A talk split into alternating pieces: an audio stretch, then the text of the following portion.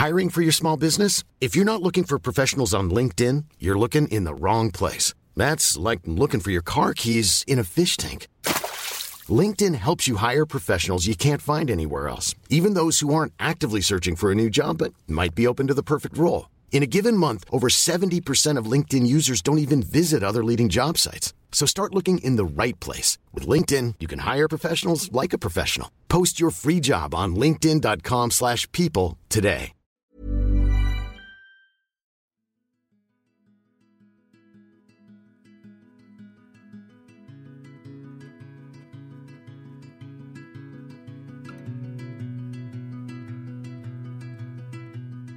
Hej och varmt välkomna till podden Sorgsnack. Det här är en podd som berör allt som har med sorg och svåra förluster att göra. När livet inte blev som vi hade tänkt, när något oväntat händer och hela ens liv vänds upp och ner över en dag och när vi tvingas ta förväl av någon vi älskar. Min förhoppning är att genom podden bidra till att hjälpa andra människor, ge stöd, utbilda och sprida kunskap och inte minst inge hopp. Jag som gör podden heter Lia Persson, är journalist i grunden och även certifierad handledare i sorgbearbetning.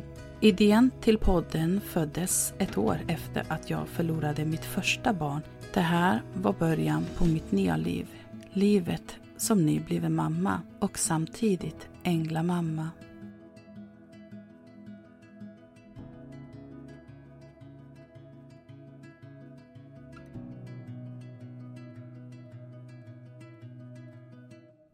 Hej och varmt välkomna till ännu ett avsnitt av podden Sorgsnack med mig Lia Persson. Idag har jag med mig en ny gäst. Manda Ersgård heter hon. Och Manda är journalist, barnmorska, mamma och driver även podden Var god sörj som hon startade tidigare i år. Men hon är också änka och eh, det är det här lite som vi ska gå in på idag också. Och ditt arbete med, med din podd. Så spännande, så tack så jättemycket för att du ville komma hit idag. Tack för att jag fick komma hit, jätteroligt. Nu har jag avslöjat lite här om vem du är och så, men om du skulle vilja berätta någonting mer om dig? Mm. Jo, men som, precis som du sa så är jag ju mamma och, till tre barn och eh, jobbar som barnmorska i Stockholm. Eh, men för snart fem år sedan så förlorade jag min man efter ett självmord. Så jag är ju änka också då. Mm. Att lägga till. I... Och det var ju precis vad du sa. Så att jag vet inte vad jag ska säga mer. Skånska är jag också. Ja, ja men det hör man. Mm. Jag som lever med en från Skåne. Jaha, lillo dig. ja, ja, men det är det faktiskt. Um, du har ju som sagt upplevt sorg på väldigt nära håll och inte allt för så länge sedan. Var det här ett sätt för dig att um, men fortsätta bearbeta din sorg, det här med podden? Kan du berätta lite mer hur, eller varför du valde att starta en podd? Ja, alltså från början så var det nog inte bearbetning av sorg. Alltså jag, det var det kanske, fast jag tänkte inte så. Utan jag tänkte mer... Det var ju inte gjort i en handvändning att starta en podd, det vet du också. Men eh, jag funderade mycket på hur människor bemöter andra människor i sorg. Och eh, att det är så himla läskigt att fråga saker. Och det behöver ju inte bara vara död, det kan ju vara allt möjligt annat. Eh, och ibland tyckte jag kanske att eh, människor bemötte mig de var nästan mer ledsna. Det är klart att människor är ledsna, det är inte det, men att de nästan var mer ledsna så att jag fick ta hand om deras sorg. Um, och, och, så är det ju. Det är ju jättesvårt. Det finns inget rätt och fel. Men, eh, och så tänkte jag att det här måste vi ta upp och prata om. Och tänkte, nu har jag gått igenom det här. Det tog ändå fyra år innan jag startade podden. Eh, så det tog fyra år innan jag startade podden. Ehm, och ehm, jag har också mött många människor i sorg i mitt liv. Och sen har jag ett väldigt behov av att människor berättar för mig hur saker är på riktigt. inte liksom lägga locket på utan vill gärna ha svar. Så Mm. så var det nog. Mm. Men sen, alltså det blev, det har nog varit, det har blivit en bearbetning av min egen sorg också. Tror jag. Ja. Du berättar ju om din historia i första avsnittet. Men eh, för de som inte har hittat dit och lyssnat, kan du bara berätta om ja, vad som hände Mm. och eh, hur du fick reda på det? Alltså, du, jag var ju då gift med min man Jock och vi eh, bodde i Stockholm. Det gör jag fortfarande och vi har tre barn. Ehm, och ehm, han... ehm, ja, men vi levde ett, ett lyck, alltså vi var kära i varandra, ett lyckligt liv, trodde jag. Eh, och ehm, vi kollade av med varandra ofta att man mådde bra och sådär. Kan hända att det var så nu i efterhand att han hade strategier för det, hur han sa att han mådde bra fast han kanske inte mådde bra. Ehm, och vi hade rest mycket och vi bott utomlands och sådär men nu hade vi liksom landat i Stockholm. Men vi, vi hade bott i USA ett par år och längtade alltid allihopa för att åka dit igen så det var liksom planen egentligen att vi skulle göra det. Eh, Och sen då julen, nej, i eh, januari 2019 så vaknade jag en morgon. Det hade inte hänt något speciellt vad jag vet egentligen. Och eh, så var det alldeles tyst i lägenheten. Och eh, ja, då gick jag upp. Och var, eller under natten så hade jag faktiskt vaknat av att dörren gick flera gånger. Vi hade en sån pling, en sån larm på dörren. Jag tänkte nej men oj, nu är Jock, ska han kanske slänga sopor eller han, jag vet inte vad han gör. Det var, jag vet inte vad jag tänkte för jag var nog ganska trött, jag skulle jobba också nästa dag. Så, så jag somnade om igen. Men då när jag vaknade igen så var det helt tyst. Alltså så tyst så att man nästan hör tystnaden på något vis. Så jag gick upp och kollade, så tänkte jag, Jock måste ju ha somnat i soffan eller någonting. Gick runt i lägenheten, kollade in i alla rum om, ja, kanske låg på golvet bredvid något barn, eller jag, jag vet inte. Barnen var inte sådär, de var inte jätte, den yngsta var tio så det kunde ju lika bra varit något sånt. Att han hade Mm. vaknat på natten eller någonting. Men så var han ingenstans. Och jag hade egentligen ingen anledning att bli orolig för att det här var ju ingenting som jag visste skulle komma. Men på något sätt så blev jag orolig i alla fall eftersom inte han var där på morgonen. Jag kommer inte heller ihåg vad klockan var. Om det var liksom fem på morgonen eller om det var sju, ingen aning. Så jag ringde min kompis Annette och hon bor lite utanför stan. Hon sa, ja, men jag, det, det har inte hänt något såklart. Han är väl bara, väl bara... Ja, hon, jag vet, inte, kommer inte ihåg vad hon sa, men sen kom hon in också och eh, då tyckte vi väl båda två att det var lite jobbigt att vi inte... Vi förstod inte var han var någonstans.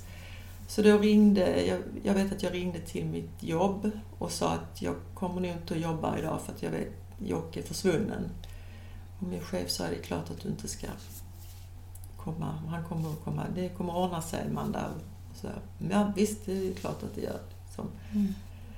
Sen är det ju lite sådär med tid och vad som hände och många Mm. timmar, jag vet inte riktigt. Men tiden gick väl och Alltså det är knasigt hur man inte kommer ihåg tid, tidsmässigt.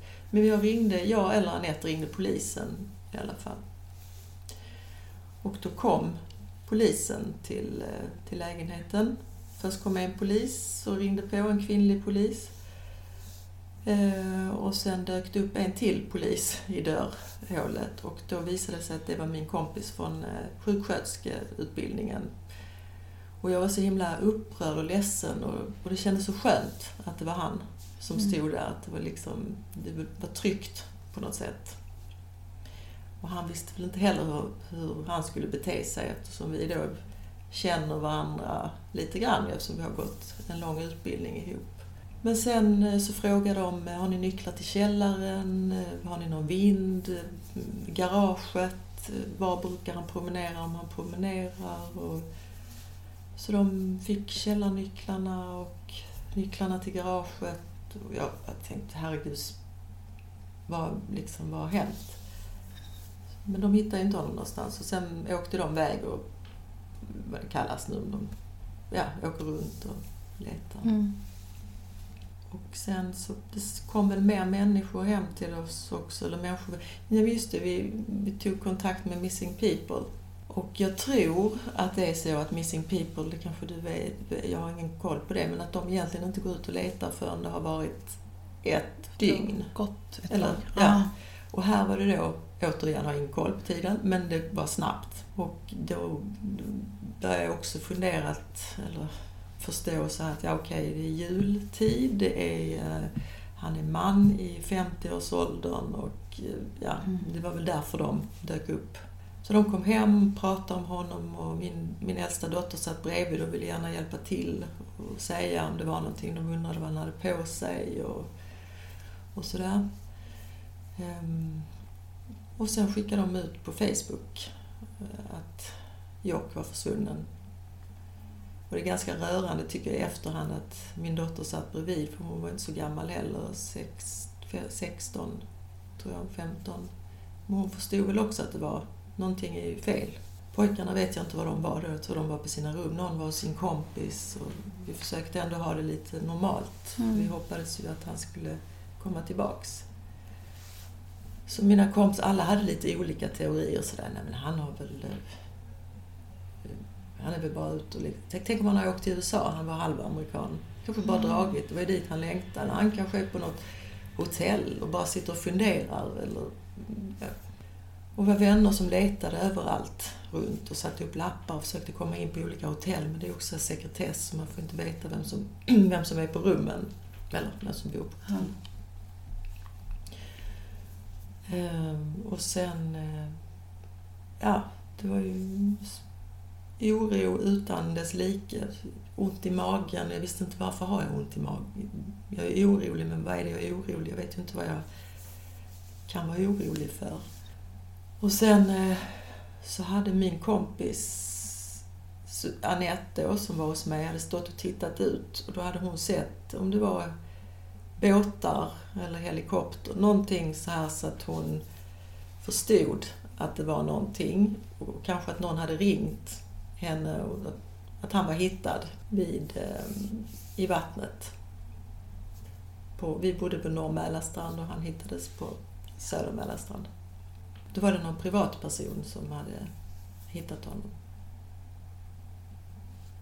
Så hur lång tid hade det gått då däremellan? Alltså jag tror inte att det gick... Eh, mm, det gick nog inte ens ett dygn, tror jag. Okej. Så de, de hittade honom snabbt. Mm. Men då visste ju inte jag det här. Men hon såg ju att det var blinkar och liksom där ute och hade väl kanske fått besked från någon. Okej. Och sen så småningom så kom det då eh, två poliser hem till oss. Jag visste, ju, jag visste ju inte någonting då Nej. egentligen. Mm. Så kom två poliser, civilklädda, så lite äldre har jag för mig, män. Och var ganska så rakt på sak att fråga om det var jag som var jag och, och att de hade påträffat min man eh, enligt signalement och jag tror att de hittat legitimation och, och sådär, att han var avliden. Och det var ju, det går liksom inte att ta in riktigt ens. Eh, Det var som att jag liksom tänkte att nej men det här är ju inte sant men jag känner att jag måste nästan kräka och slänga mig på golvet eller bara jag vet inte riktigt. Mm. Eller ska jag, är det dags, ska jag göra det nu? Kan det vara, jag kunde nästan inte tro. Nej, Men det var ju inte såklart. heller, det var ju två allvarliga poliser som Mm. kom och, och berättade. Och då hade jag vänner runt mig och sen kom det ju fler, ju fler som fick veta.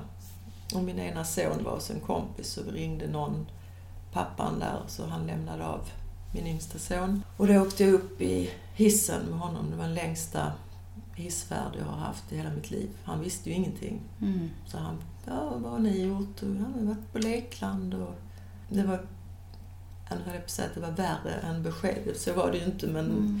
men det var hemskt att se i hans ögon att han såg ju på mig att det var någonting. Ja, och barn förstår ju så mycket mer ibland än vad man Mm. själv tror. Men det är också det att det är viktigt ändå att vara ärlig Ja, mot barn också, självklart. men det var svårt. Jag tror att Men, de ja. gick väl in på sina rum och min äldsta dotter var väl med hela tiden så hon hörde väl. Och, Mm. och berätta då det ville jag göra ganska fort. För att det var väl ingenting att... Det, måste ju, det var också helt fruktansvärt att berätta någonting sånt. Hur gör man det ens? Mm. Då kändes det som att jag jobbade nästan så här på ackord. Okej, nu tar vi den första, sen tar vi den andra och sen den tredje.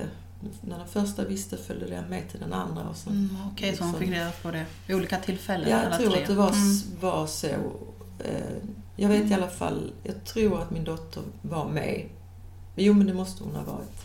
Hon hade också en vän hos sig som bodde i ett annat land, som hon hade träffat på en språkresa. Så det var helt eh, förvirrat, hela det här. Och den flickan fick ju skickas hem. Jag kände inte hennes föräldrar och det var ju det första jag tänkte på, vad ska föräldrarna tro Mm. när hon kommer hem? Och så var det ju inte såklart, de förstod att det var... Och så kom det en tjej från Röda Korset, ehm, Maria, tror jag hon hette, som också var liksom där stöttande. Fast det kom människor, Mm. jag vet inte riktigt hur de... De hittade dit i alla fall. Ja. Mm. Och apropå att det kom människor så du sa ju att det var ju de här två poliserna som lämnade Mm. dödsbudet då, eller som gav dödsbudet. Eh, Blev de kvar där eller hur de gick gick, de sen bara? jag tror att de gick för att de förstod att kanske någon sa att vi, vi ordnar det här, vi är här. Att det fanns andra kanske som kunde då... Ja, det var ju människor som Ah, också visste hur, ja men sorg, så som Mm. Anders till exempel som vi pratade om innan, har jag för mig var där vid det ögonblicket. Ja. Jag är lite, Okej. det var ett Ja. stort kompisgäng liksom som slöt upp. Och din vän Annette som jag förstår har Ja. du också tyvärr Mm. erfarenhet av. Ja, hon flyttade ju in och hon har ju också fruktansvärd Mm. sorg också. Ja, men precis. Hur eh, fortlöpte sen kommande dagar, alltså de närmsta tiden då efter det här?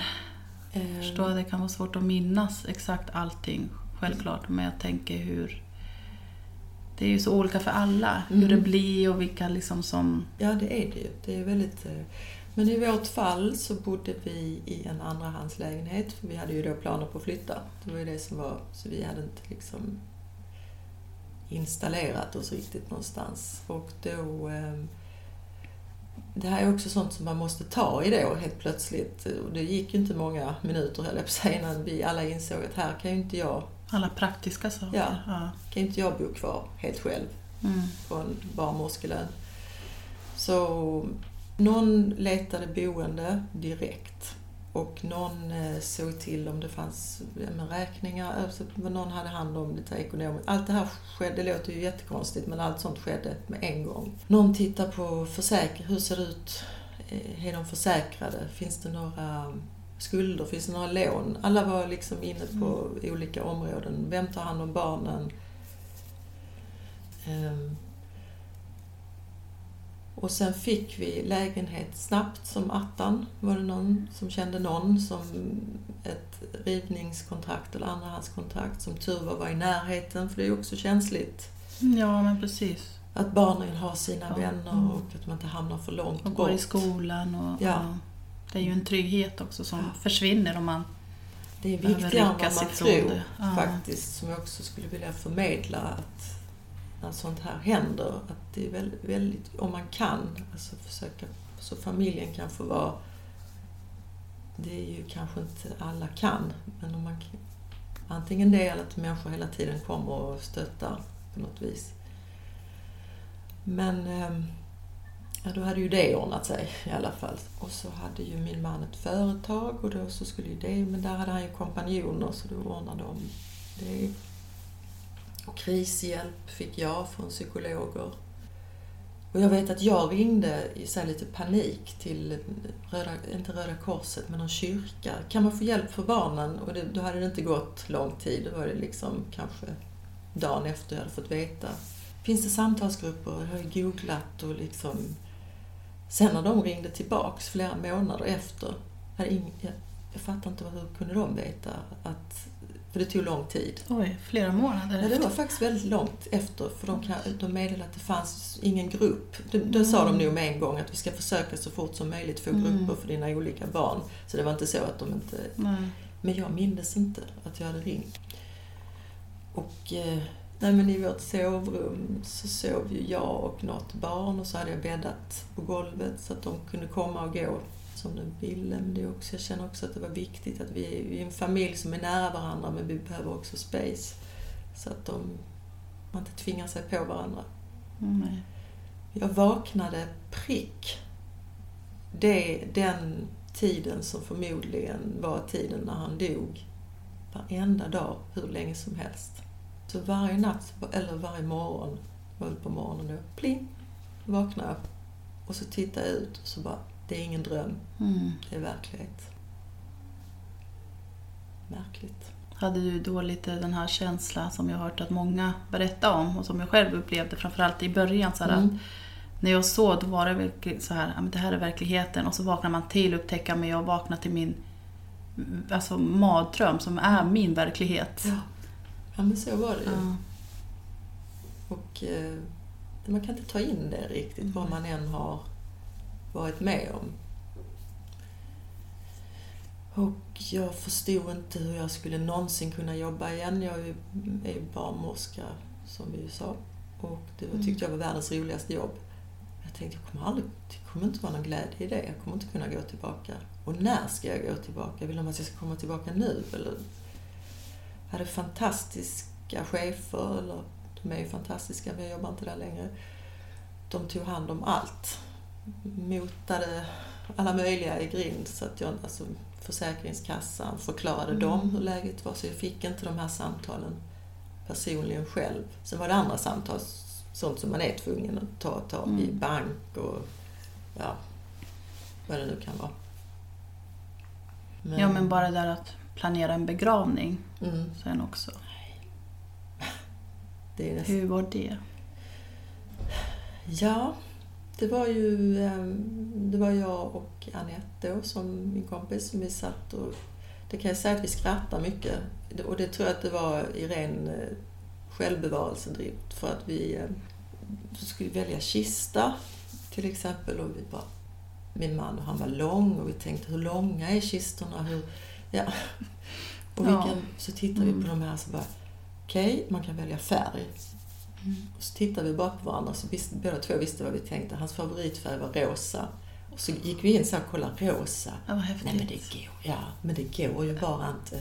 Och så gillar han Elvis. Men nej, nej men då valde vi en, en helt vanlig, Mm. normal. Och det kan jag ju säga sen när vi satt i kyrkan, då tittade vi på varandra och tittade på kistan att det hade ju alltså, det hade inte, det hade inte varit liksom färdigt på något sätt. Men det är sånt där som man, man går igenom Mm. jättekonstiga grejer.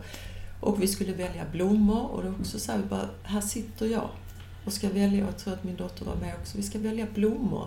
Vad spelar det för roll vad det är för blommor? Men jag ville ändå att det skulle vara fint för honom. Jag ville inte bara ha vad som helst. Men samtidigt så, det kunde vara vad som helst. Men la- då la vi ner mycket tid på att det skulle vara fint. Och vänner som ordnade så att det kom, var ett band som spelade, sångerska som sjöng.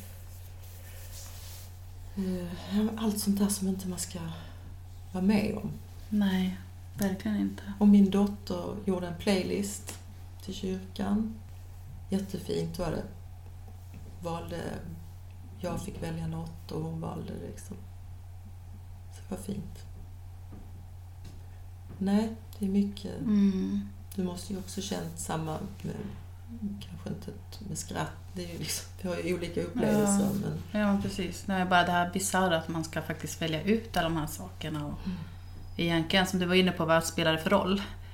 Så, men samtidigt så är ju det här, så känner jag i alla fall, att det här är ju liksom sista kärlekshandling man kan Mm. faktiskt göra och ha möjlighet att göra. Då vill man ju ändå att det ska bli fint, att det ska kännas fint och, och värdigt såklart. Och innan, innan dess, eller om det var innan, jag vet inte. då eh, kom in en annan kompis som heter Camilla och hon sa nu måste vi välja kläder. Välja kläder. Jag måste klä honom. Okej. Okay. Alltså det tog så lång tid innan jag liksom kunde också, vad ska man välja, hur, hur ska vi välja då? Och, mm. och hon hjälpte till och där var nog också min dotter och hjälpte till. Och det ska jag ju säga också att vi hade ju en hund också. Mm. som mm, vi fick avliva och det var också min kompis Camilla med. Det var under samma vecka, eller hur? Ja. och det var också som att jag liksom lite så här, nej, då, eh, då ska hon också, ja, då gör vi det här. Det var ju något jag tänkte i huvudet, jag sa inte så till barnen mm. att ja, nu gör vi det här. Så då kördes vi dit och vi satt och liksom tog farväl och jag tänkte det här, det här är ju bara inte klokt. Mm.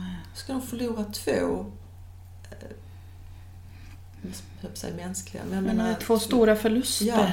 Enorma förluster. Nu när jag tänker på det, det är ju inte klokt. Nej, det är inte det. Ja. Men han jordfästes, eller är han kremerad? Kremerad. Han är det. Ja. Mm. Det är också en sån här grej som man helt plötsligt, okej, okay, vad ska vi välja? Egentligen så lite pest eller kolera kanske lite. Att det blir så här, ja, han är ju död, alltså så kände jag, men vad spelar det för roll? Men ändå, jag vill ändå välja, vad ska jag liksom... För och nackdelar. Ja. Men lite så. Mm. Så det gjordes ju efter begravningen. Vi hade en väldigt eh, fin begravning. Det var hur mycket människor som helst. I kyrkan, han var väldigt älskad av människor. Då tänker jag så här, om man hade... Vad var det för kyrka? Eh, Katarina kyrka på Södermalm. Ja, och eh, där hade jag också min kompis Anette begravning för sin son. Mm. Eh, som dog i tsunamin. Så att det blir liksom det som att vi, ja. ja.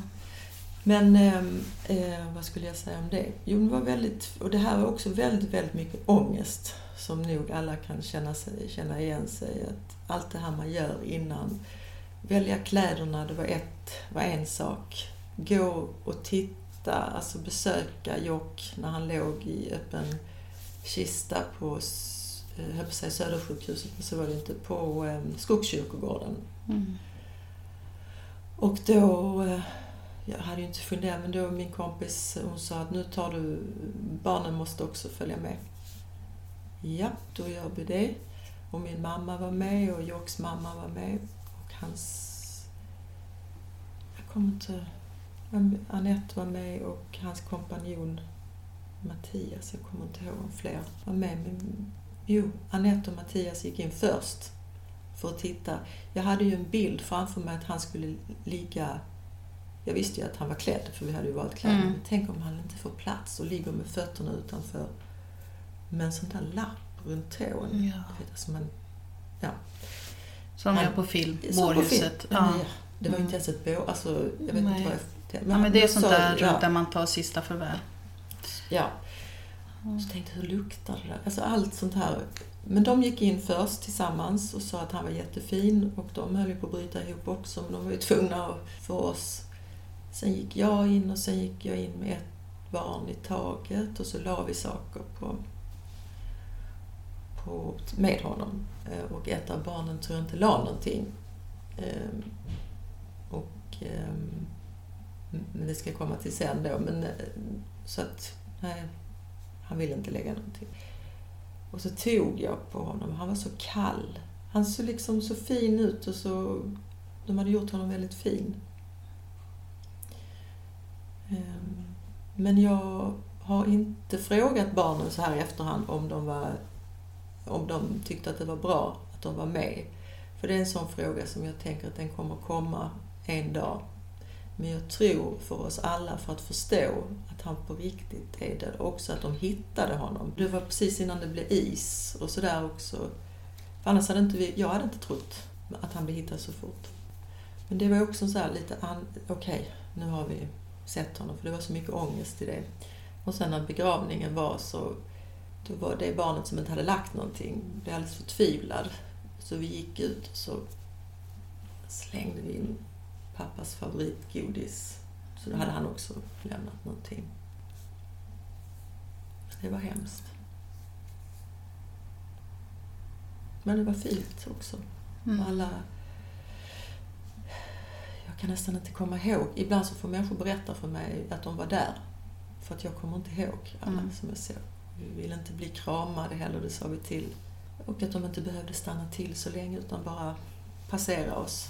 Mm. För det var helt fruktansvärt att sitta där med sina barn som, som skakade. Och var en eh, lärare från skolan som satt med ett av eh, mitt yngsta barn för han ville ha henne nära sig. Mm. Och, och, eh, och sen gick vi fram, då tror jag att det var min kompis Ida som jag har pluggat med och Anette, att vi gick fram också. Det är viktigt att ha lite människor som håller i en. Ja, absolut. Men också, Som jag vet, fångar en. Mm. Jag vet att det också kändes när jag gick fram med mina barn att jag kände mig på något sätt stark. Det här, det här är våra barn Jock och det här fixar vi på något sätt. Och ändå inte. Mm. Ja. Han är lite illa tvungen. Ja, och intala sig själv att nu så är det så här. Jag hade röd klänning på mig.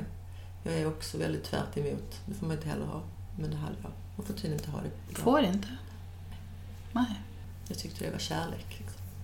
Ja, tycker jag låter jättefint med en röd klänning. Nej, men jag tror att jag berättar det nu bara för att Mm. man... Du vet ju själv, människor är också oroliga för hur ska man göra? Hur, får, Mm. hur klär man sig? Hur Ja, gör man? Man gör, man svära, men hur man vill. Ja. Eller tror att man måste komma i helt svart. Ja, och då gör man det om man vill det. Men man får precis göra som man vill. Och jag har också haft bekanta som kanske inte dök upp på begravningen. Eller det är inte många, de, de flesta dök ju upp. Men att kanske inte riktigt får man lov att- gå fast man, kanske, fast man känner mig, fast man inte känner... Mm. Eller hur? Lite så här, hur nära var vi och Ja. vad hade vi för, för relation till varandra? Och, Och ja. jag kan bara säga utifrån mitt perspektiv att vi hade ju en öppen begravning och att alla är väl, alltså alla var välkomna. Det är bara Mm. glädjande. Men det är så, jag har själv gjort likadant, frågat någon, är det okej tror du om jag går på den? Man blir ändå lite så osäker. Men Så egentligen så tror ju ändå de flesta känner ändå så här, ja men det är bara fint och det är okej Ja, att det kommer folk. det är Det är så här, visa närvaro, ja, visa empati, medkänsla. Ja. jag vet inte om det är svenskt, så lite svensk Jag tror att vi är oro. lite väl för försiktiga här, ja absolut. Försiktiga. Mm. How would you like to look five years younger? In a clinical study, people that had volume added with Juvederm Voluma XC in the cheeks perceived themselves as looking five years younger at six months after treatment. Look younger, feel like you. Add volume for lift and contour in the cheeks with Juvederm Voluma XC. Reverse signs of aging by adding volume to smooth laugh lines with Juvederm Volure XC. For important safety information and to find a licensed specialist, visit juvederm.com. That's J U V E D E R M.com. Not for people with severe allergic reactions, allergies to lidocaine, or the proteins used in Juvederm. Common side effects include injection site redness, swelling, pain, tenderness, firmness, lumps, bumps, bruising, discoloration, or itching. There's a risk of unintentional injection into a blood vessel, which can cause vision abnormalities, blindness, stroke, temporary scabs, or scarring. Talk to a licensed specialist to find out if it's right for you. Hiring for your small business? If you're not looking for professionals on LinkedIn, you're looking in the wrong place. That's like looking for your car keys in a fish tank. LinkedIn helps you hire professionals you can't find anywhere else, even those who aren't actively searching for a new job but might be open to the perfect role. In a given month, over 70% of LinkedIn users don't even visit other leading job sites. So start looking in the right place. With LinkedIn, you can hire professionals like a professional. Post your free job on linkedin.com/people slash people today. Men till slut vill man klara sig själv också. Mm. Tacksam för allt. Men Mm, till slut ville vi, um, fyra är vi, Mm. ville bara vara liksom i vårt eget. Mm. Hitta de här nya rutinerna och Mm. ja. Barnen gick ju tillbaks till skolan. Där jag har hört att så är det tydligen. De flesta barn går tillbaks till skolan snabbt för att tror att det är för att barn antagligen sörjer annorlunda. Att det är bra för dem Mm. med rutingrejen. Jag vet. Jag gjorde ju inte... Jag, jag kommer inte ihåg Man brukar ju säga att barn sörjer randigt. Mm. Men jag brukar tänka att det kan vi vuxna också göra och Ja. behöver göra det Mm. också mycket. Jag tror jag gjorde det hej, liksom, hej vilt hit och dit. Mm. Jag följde nog inte något mönster. Det kanske jag gjorde, men de gick i skolan och sen så var jag hemma och så fick de komma hem när de ville. Mm. Och jag vet, någon sprang hem någon dag och då blev jag orolig. De gick ju också i skola nära där vi bodde, nära Södra Mälarstrand och Norr Mälarstrand. Så jag var alltid orolig att det skulle, vara, det skulle hända dem någonting. Eller... Jag var orolig för barnen, jag var är orolig för min ekonomi, jag var orolig för var jag skulle bo. Jag var liksom helt eh, Mm. knasig. Mm. Ja, men det kan jag tänka mig. Just det här du säger att du var orolig att det skulle hända dem någonting. Och det tänker jag att det, det är så vanligt att man blir liksom så här, när man väl har drabbats av det och det värsta har hänt. Det är klart att man blir så mycket mer orolig för de människor runt omkring en som man älskar. Och vill självklart inte att det ska hända någonting. Ja, men alltså just det här katastroftankar. Man är ju, det vet ju du också, man är ju så skör. Mm. Så att det krävs inte så mycket för Nej. att tankarna ska... De Jag- skenar iväg. Jag gick inte ut så mycket heller i början. Jag kunde inte ta in människor. Jag vågade liksom inte Mm. lyssna. Alltså, det var som att jag var helt så här filter. Vad, som, vad människor sa skulle ju kunna bara gå rakt in. Jag var rädd för att bli ledsen, för att jag Mm. var redan så ledsen. Då tänker jag på barnen också som satt i skolan. Och det är inte alltid barn vågar fråga rakt ut och, och, och kanske titta och f- fundera. Och, Mm. så de har säkert också varit med om saker där som jag inte ens minns. Om, ja. Men vad fick de för hjälp? Känner du att eh, de fick bra stöd så här från skolan och... eh, Det fick de med hjälp av mina vänner också. Men jag vet att rektorn var väldigt involverad och eh, eh, den här kvinnan Jessica som satt med min, en av mina söner på begravningen. Hon var liksom, fanns i närheten. Det fanns lärare liksom i närheten hela tiden som kunde fånga upp om det var någonting. Och sen tror jag att vi skrev ett brev också, eller att jag skrev ett brev att... eh, Ja, men jag kommer inte ens ihåg vad jag skrev det, men att eh, behandla dem som... Jag frågar barnen, hur vill ni att... Eh, nej, men någon sa så här, men någon kan få fråga, någon ville inte bli frågad och nej, någon brydde sig inte. Mm. Och jag gjorde likadant när jag gick tillbaks till jobbet. För att jag tänkte så här, då hade jag varit med om ganska mycket sådär, ja men kanske någon som inte vågar fråga. Jag tänkte det måste bli lätt för oss alla när jag kommer tillbaka till jobbet. För jag vet att det är svårt att fråga mig vad som har hänt. En del har ju jättelätt för det. Så då skrev jag ett långt brev till alla att jag är samma person som kommer tillbaka, som tycker om att kramas och skratta. Och, eh, och skulle jag nu av någon händelse inte vilja kramas en dag, då säger jag det, fast ni behöver inte bli ledsna för det är inte personligt. Mm, alltså, så precis. riktigt förklaring och det tycker inte jag är, är konstigt att man gör. egentligen. Nej, det är en jättebra grej att göra faktiskt. Det har jag också hört att många har gjort så. Mm. Att Ja, man men skickar det- ut det är mejl. Mm. Och då var det så lite nya, som var lite nya som inte jag kände så väl, som sa också ja, men vi känner inte varandra så jätteväl, men jag hade nog inte vågat kanske det blir lite mer öppet, Mm. tror jag i alla fall. Ja, absolut. Det tror jag absolut är ett hjälp också att man säger exakt hur man själv vill ha det Mm. och behöver ha det. Och sen är det ju upp såklart till mottagaren ändå. Okej, då vet jag att det är på det här sättet och vill jag närma mig eller hur ska jag närma mig och sådär.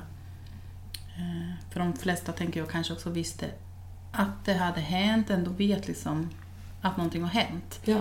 Och då blir det ibland också, kan jag tänka så här, fel om man säger vad har hänt? Fast man vet. Fast Ja. ofta vill man ändå ställa den frågan. ja. Ja. istället för att bara, men jag har hört Mm. vad som hände. Eh, Vill du prata om det? Eller sådär. Eller hur vill du ha det? Ja. Jag jobbar ju också på en sån arbetsplats där det liksom är kramigt på en förlossning och Mm. sådär.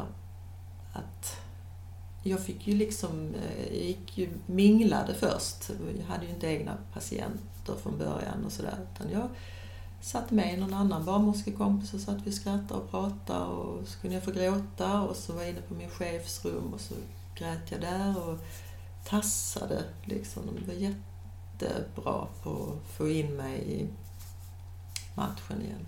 Mm. Så det gick bra. Jag tyckte det var lika roligt när jag kom tillbaka. Alltså, för jag var ju rädd då att jag inte skulle tycka att det var kul, men det var det. Det var det. Och du är kvar än idag? Ja, fast, Fast inte på på, samma? Mm. på samma... Jag beslöt mig faktiskt för att sluta på just det stället som jag ju älskar, BB Mm. Stockholm. Mm. Men eh, det var lite som att jag behövde flytta hemifrån Mm. lite. Det var så tryggt och bra, man känner alla, men på något sätt behövde jag komma ut lite och testa mina vingar. Mm. Så jag kanske kommer tillbaks dit någon dag, man Mm. vet inte. Nu är jag på en annan förlossning. Mm. Ja, härligt. Ja, det är ju verkligen så här kontraster med där livet börjar Ja, och sen kontra när livet slutar. Mm. det är ju det. Och, ja. Men det är ett roligt jobb. Mm. Ja, men det kan jag tänka mig, verkligen. Mm. Men jag tänkte det, men du frågade om skolan. Det, det tror jag att de var med mycket. Jag tänker så här som råd till andra människor också när det gäller barn. Att, att barn behöver kanske en dunk, liksom bara så här, hej, jag ser dig. Man behöver inte säga någonting. För det vet jag att någon av barnen uppfattade att människor tittade bara. Vuxna människor. Och det gör, gjorde de säkert inte, inte så som de uppfattade. Men att man hejar och liksom, man får le och så bara Fast du mår bra, hälsa mamma, eller vad som helst. Mm. Och att man kan, sen är det också olika. Mina barn tycker om när man pratar om deras pappa. Eller säger att de är lik, lik honom. Det är också sånt där som kan vara små, svårt för andra. Och, Mm. eh, och inte glömma bort och fånga upp barnen igen längre fram. För det är ju en period när allting är skitsorgligt. Och det är fortfarande sorgligt men de, man får så himla mycket stöd i början. Och jag skulle vilja säga att de flesta människorna finns ju där fortfarande. Ju, alla har ju sina liv. Men just när det gäller barnen, att se till att liksom ha lite kontakt med dem. Och, Ja, men verkligen. Det är så viktigt, ja. Det här med barns sorg. Mm. Och, mm. för annars tror jag lätt att de tror att det är något fel på dem. Att människor försvinner. Mm. Men det har vi många vänner som hör, alltså, som hör av sig och de vet ju att Hade ni någon kontakt med Randiga huset, apropå barn? mm, nej, Nej, men du har hört talas om? mm, Mm. Absolut. Eh, Men det tror jag inte, för det var ju så att mina barn ville ju inte prata med någon. Någon, någon tyckte att det var okej, någon inte. Mm. Och någon sa att det här är mamma som vill. Ja. Ja. Ja. men ibland behöver man en liten knuff, man vet ju inte. Man märker ju sen om Men däremot så har jag ju haft eh, gäster i mitt program eh, som har, har liksom varit i kontakt, både en ung gäst och då någon gäst som har haft ett barn som har haft jättemycket nytta och Randiga huset. Mm. Har du varit i kontakt med dem? Inte, med, inte av den anledningen, men eh, av andra orsaker. Så där. Mm. Jag ju, känner ju till dem, så Mm. Haft kontakt med dem och vet ju vad de gör. Och att de gör väldigt mycket bra såklart för Ja. barn. Så det behövs. Och Det är jag jättebra. tycker bara det är fint att eh, kanske inte var så att många kände till dem för fem år sedan, men det börjar bli mer och mer nu. Mm. Tänk att det finns mycket stöd. Jag har en väninna vars bror gick bort. Och det, om det nu är en fond, det här kan vara helt fel, men de anordnar träffar för barn som har förlorat föräldrar. Karl, Karl Werntorps fond, nu kanske jag säger fel, men i alla fall hans systrar och mamma som håller i den här. Det finns så mycket Mm. och liksom Ja, hjälp. ja, barn ja men och det gör föräldrar. det. Det gäller bara Många att fina hitta dem. organisationer, föreningar, Ja. fonder. Ja men precis, det, det är ju just det också. Det är därför jag tycker det är så viktigt att man pratar och sprider liksom. Ja, absolut. Att det här, de här finns och de här kan hjälpa dig med det och det. Ja. Men som du nu var med och anordnade, Mm. Sorgkonferens. Ja. Ja. det är väl också Ja, och det är ju lite tanken just för att Ja. folk ska hitta varandra, olika organisationer, föreningar ska hitta och så veta. Man har hört talas om det och kan hänvisa till andra och sådär. Och folk ska veta var man ska vända sig. Ja. Eh, Precis därför. Och det, det har vi fått jättefin respons av folk tycker att ah, det här är så bra för Mm. nu har vi hittat varandra och vet var vi ska vända oss. Och Ja, men det är ju bra, så kan man själv välja Ja. hur mycket man, Ja. man vill. Jag tänkte på det också, för du, du sa det, du hade ju podden tillsammans med En annan mamma, Ja, precis, som att ni förlorat. hittar varandra. Mm. Och det där eh, med att hitta varandra i liknande sorg. Det hade, jag hade ju inte pratat med någon om just att vara eh, mamma och förlora eh, sin man. Och bli änka. Nej, Mm. ja just det, så heter det. Blänk. Ja, men jag hade Ja. pratat eh, alla andra sorger, Mm. men inte just det. Och sen så var jag gäst i, eh, i Minds podd. Mm. Och då pratade eh, Lollo som intervjuade mig, hade, var också änka. Mhm. Och det var så fantastiskt att träffa någon, det här låter ju också jätte... Men det var som bara, va? Och som höra, man hör sig själv. Kände du också Ja, men jag så? förstår den känslan. Alltså Ja. Just det här att jag är inte ensam om det Nej. i hela världen, vilket många kan känna, framförallt i början, Ja, innan man hittar andra som har gått igenom Nej, samma men eller liknande. det var helt... Eh, jag vet inte om jag liksom tog lite avstånd till att det här var liksom min sorg, att jag inte, eller att jag inte kände någon som hade råkat ut för samma. Mm. Eller om någon som råkar ut för samma inte när, vågar närma sig kanske. Man måste... Det är inte aktuellt för alla att prata hej vilt. Nej, nej absolut inte. Och det tar sin tid. Hur lång tid tog det för dig Mm. innan du... Eller pratade du direkt? Eller? Jag skulle nog säga att jag började prata om det ganska direkt. Eller jag började med att jag började skriva Mm. om min sorg. Och sen behövde jag just det här att träffa, hitta andra mammor. Mm. Framförallt mammor som hade förlorat barn som var födda med hjärtfel. Jag vet inte varför men det blev ändå viktigt för mig just för att Just den här känslan att veta att jag är inte ensam om det här. Mm. För den känslan tyckte jag var jättejobbig i början. Att känna och tro att men, varför drabbar det här mig, oss eller- och är det bara vi som har drabbats av det här och varför är det så himla... Varför ska det vara på det här sättet, så himla orättvist? Mm. Att när man blir mamma för första gången så ska man inte behöva begrava sitt barn. Så den biten var faktiskt väldigt viktig för mig, att hitta andra mammor som hade förlorat ett litet barn, spädbarn. Mm. Och jag hittade några sådana mammor och jo, det gav ju mig den här känslan, Eh, igenkänning, gemenskapen och att känna igen sig vad någon annan har gått igenom och upplevt. Och kanske även att se att de står här idag, andas, lever och försöker göra någonting bra av det. Att livet ändå liksom kunde fortsätta för dem. Då kanske det finns hopp för mig också. Den biten tyckte jag var att det var skönt att när jag väl kom dit att jag kände så. Att jag hittade de som ändå ja, gav mig lite hopp om framtiden. Men när ni pratade tillsammans kunde ni nästan fylla i varandras ord. Ja, framförallt de som hade förlorat barn Ja. i hjärtfel också. Ja. Mm. Och det här att det är ett litet barn och hur det är att faktiskt, inte bara att man förlorar barnet men just du förlorar liksom hela din framtid med det här barnet. Men det är såklart att sorgen påverkar ju en.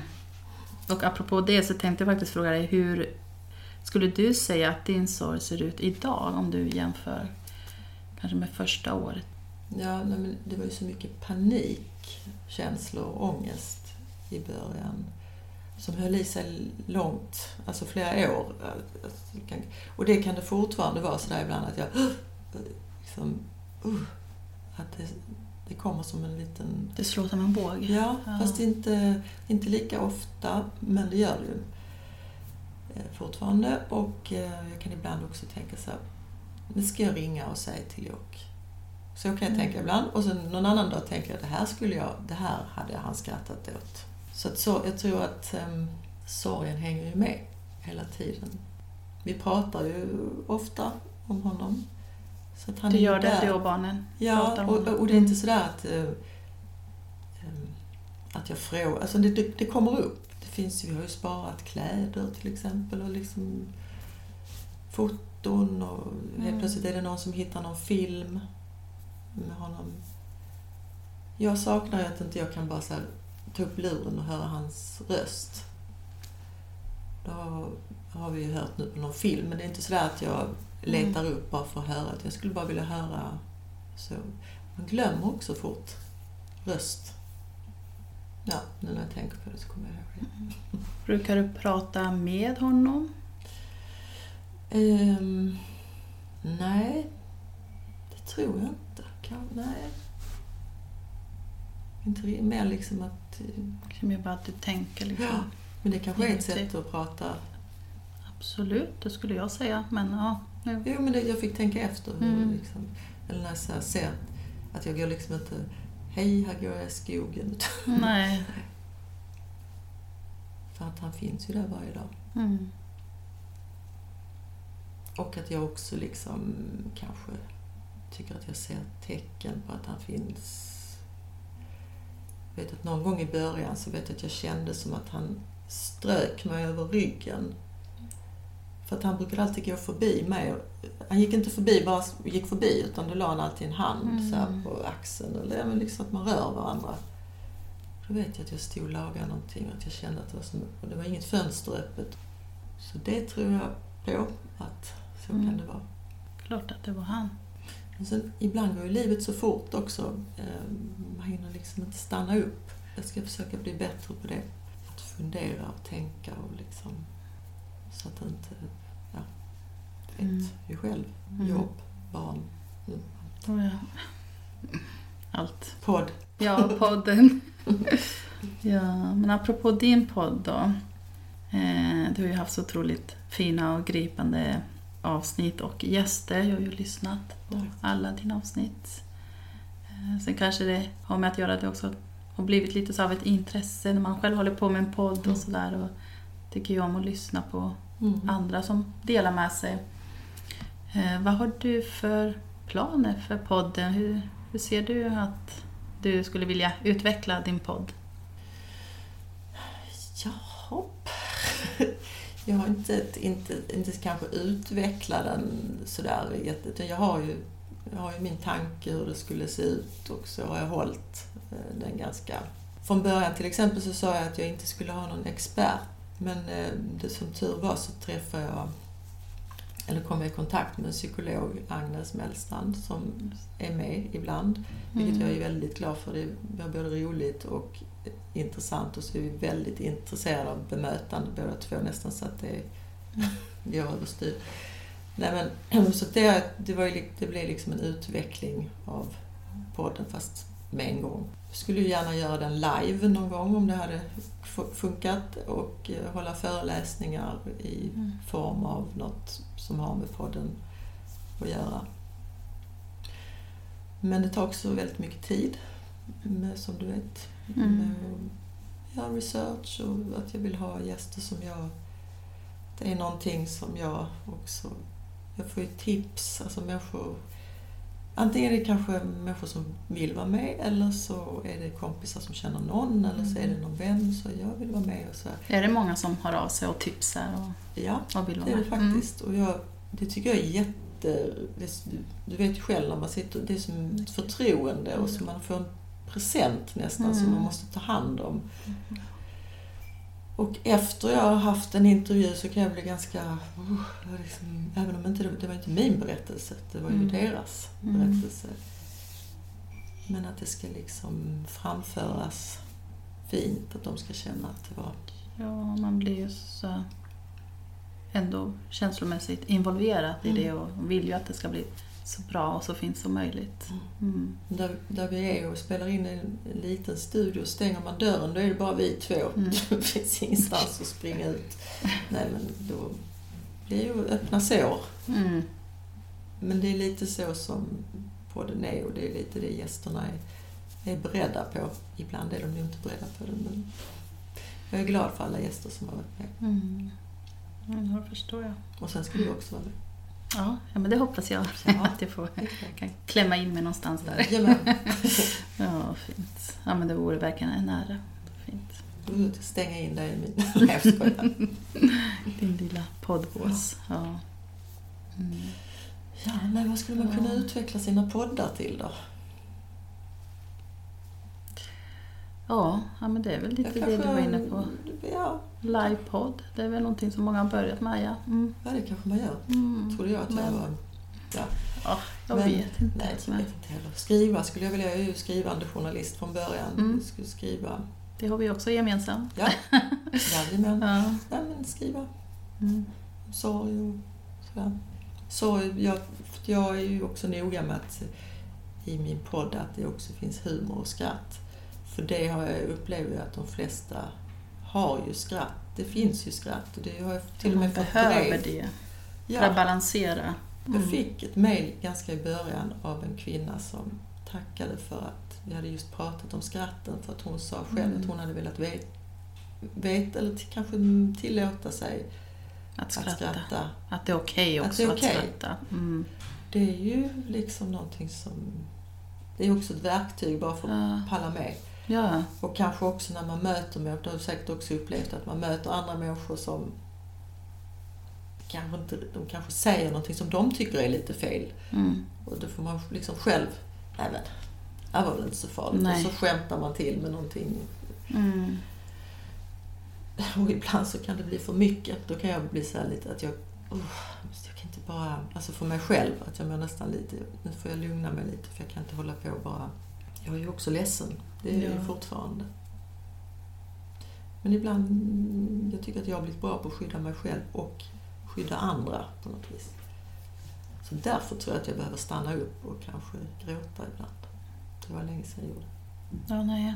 Man gråter ju inte varje dag längre, det gör man ju inte. Men det kommer då och då. Det är också så olika saker som sker i ens liv. Men ja, du har ju redan varit inne lite på det, men jag tänker att vi ska börja runda av. Har du några bra så här, tips eller råd eller annat som du vill skicka med till lyssnarna? Det kan ju vara alltid just det här som du var inne i, bemötande, hur man ska Mm. bemöta andra eller tänka eller vara. Ja, men eh, att våga fråga eh, hur man mår. Eh, Och om man inte själv vill fråga så bara att en klapp på axeln eller liksom en nick eller...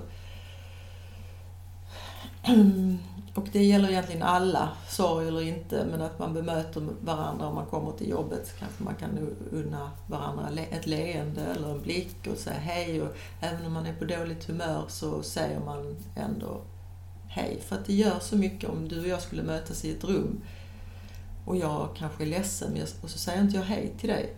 Det får jag nog faktiskt, det måste jag göra för annars blir du ledsen. Så just liksom, kanske du inte blir, men att man är känslig och ännu mer känslig är man när man är i sorg. Eh, att man hör varandra och vågar. Vad kan jag mer ha för tips? Nej, men kanske det där också nu som du sa att du pratade med andra som hade varit med om liknande. Det kan faktiskt vara en idé att söka upp andra som har varit... Om man, har, om man är sjuk eller om man har förlorat någon, att det kanske är skönt att prata med någon helt annan.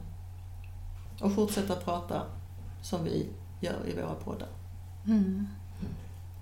Men, ja, stort tack till dig för att du ville vara Tack. med och dela med dig av det du har varit med om. Och tack för att du ville ha mig som gäst. Självklart. Jag tror absolut också att det kan hjälpa någon som, som lyssnar som också förlorat eh, sin partner. Jag hoppas det. Att det hjälper alltså. Ja, ja men precis. Tack och eh, tack till dig som har lyssnat. Får hoppas att du har haft en fin helg och eh, att du vill vara med nästa vecka igen. Ha det bra, ta hand om dig. Hej då. Hej då!